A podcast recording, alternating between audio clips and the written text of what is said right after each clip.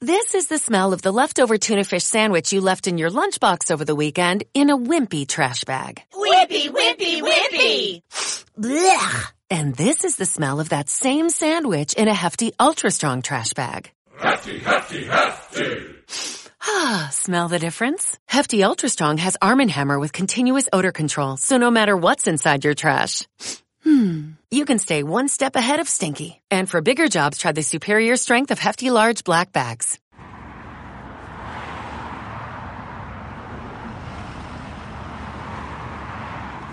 Sábado 26 de decembro de 2020 Gostaríame decir que estou no Paseo do Burgo Pero non, estou pola Avenida do Pasaxe Acabo de sair da casa E vou cara a casa da miña nai a tomar ese café con ela e eh, cos meus irmáns xa tradicional dos sábados a tarde sempre que estamos eh, sempre que non hai algunha cousa que me impida para la que ali que nos reunimos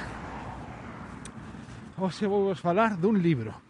Dun libro que xa adianto que non vou recomendar porque ao contrario o que vou facer é desrecomendalo. Nen se vos ocurra chegarvos a él, porque imagino que non é só cousa miña, senón que cando estás a ler un libro que está che molando, que que te interesa moito, aproveitas canto segundo libre tes eh, en canto podes ali que estás lendo eh, eso deixas de facer cousas que farías normalmente por estar aí eh, por imbuirte dentro desa historia que tanto che está a gostar.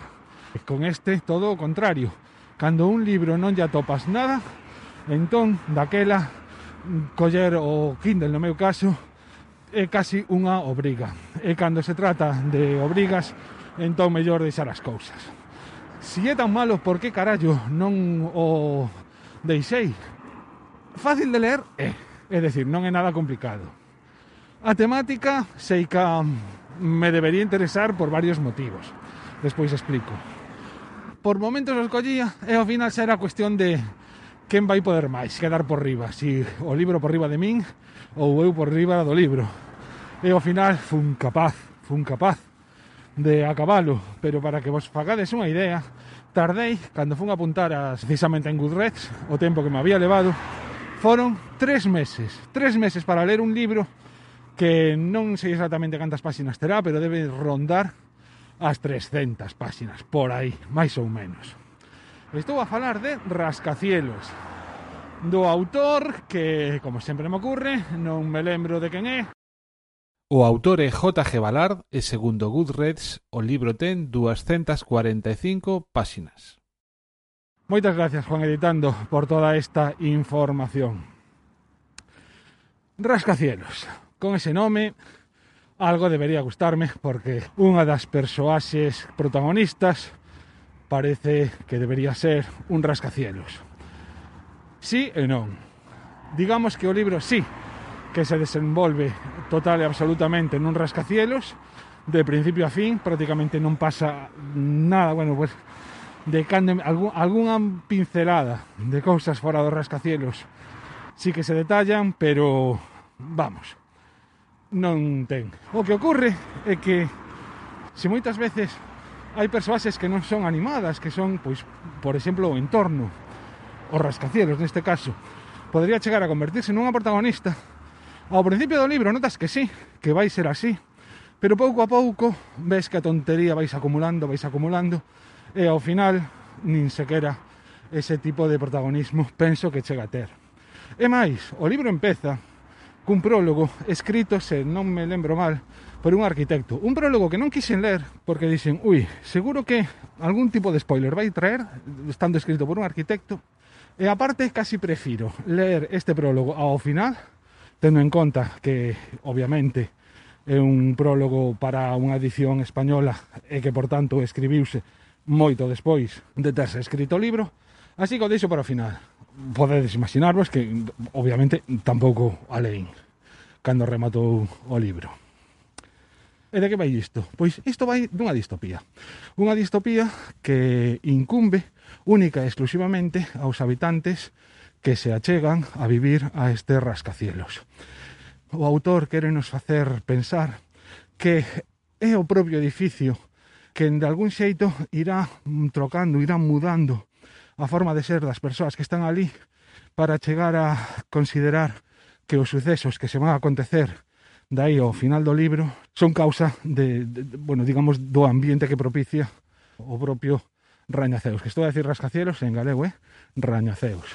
Pois este Rañaceus en realidade non é para tanto, senón simplemente é o seu autor debe de tomarse algo espiritoso Eh, e mentre o escribía dá sensación de que incluso o tipo estaba pensando que estaba a escribir unha obra maestra pola presuntuosidade que moitas veces destila esta lectura.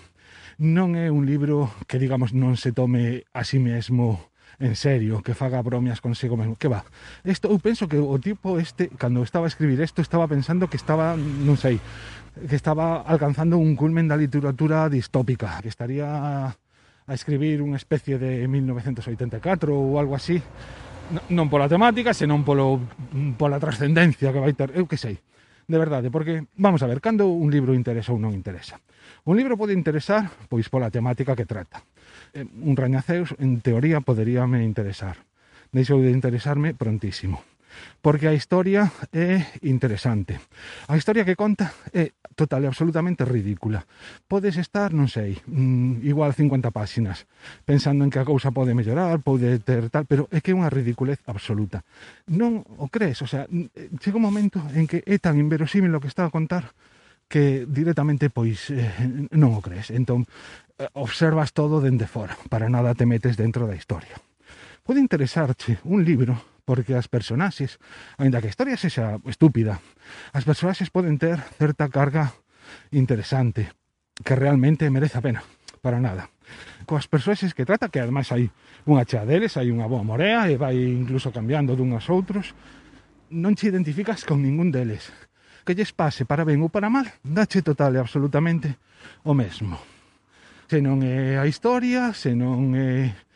son as persoaxes que pode interesar do libro a forma, a forma na que está escrita, presuntuosa, encima pasoulle moi mal o tempo, está escrita nos anos 70, eh, certos estereotipos que podes atopar Tampouco eh, teño agora tempo como para poñerme a explicar de todo, pero hai cousas que a mí me recordaban, sobre todo a certas películas, tipo Aeroporto 79 e tal, que era sobre todo no que se refire á caracterización des persoaxes, non? Donde que rol xogan os homes, que rol xogan as mulleres, agora mesmo que o, a cuestión de xénero é unha cuestión que está aí presente na vida de moitos e moitas de nós, ler este tipo de cousas soa ridículo.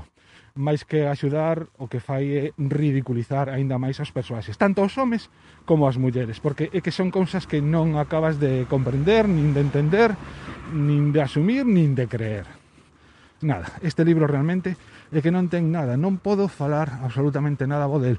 Se acaso eso que era corto, aínda que a min se me fixo longuísimo, que está escrito dun xeito sinxelo, fácil, é fácil de ler, o sea, eso sí. As páxinas van caendo, canto te pos, pero que ocurre? Que, por exemplo, o que me pasou un montón de veces. Me poñía a ler, porque decía, veña, teño que acabar isto, poñía a ler. Chegaba unha notificación do que fose, collí o móvil para mirar, estaba media hora mirando o móvil, eh, así pasaba o rato, ao final leía catro páxinas, eh, miraba o móvil media hora. En fin, Rascacielos, de... JG Palar. Non paga para nada a pena. Non perdades o tempo con el. Seguido o meu consello, eu xa leín por vos, xa fixen o traballo, son un mártir a literatura de ciencia ficción e a distopía por ter leído isto.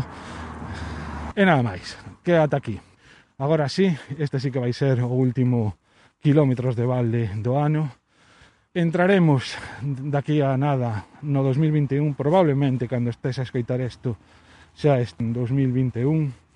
E o meu desexo para min e para todos é que todas esas esperanzas que temos postas neste novo ano vayan chegando pouco a pouco pero vayan chegando, que a situación mellore e todos saíamos ganando. Moitas grazas por chegar ata aquí, moitas grazas por ter escoitado kilómetros de balde durante todo este 2020. Ata a próxima. Chao meus, pasadeo ben.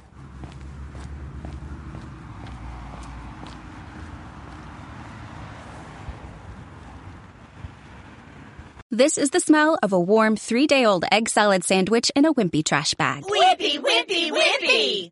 Blech! And this is the smell of that same sandwich in a hefty, ultra strong trash bag with new Fabuloso lemon scent. Hefty, hefty, hefty! Smell the difference? When life gives you stinky, get Hefty Ultra Strong with new Fabuloso lemon scent. It smells like clean, freshly picked lemons. So no matter what's inside your trash, you can stop the stink and smell the lemon.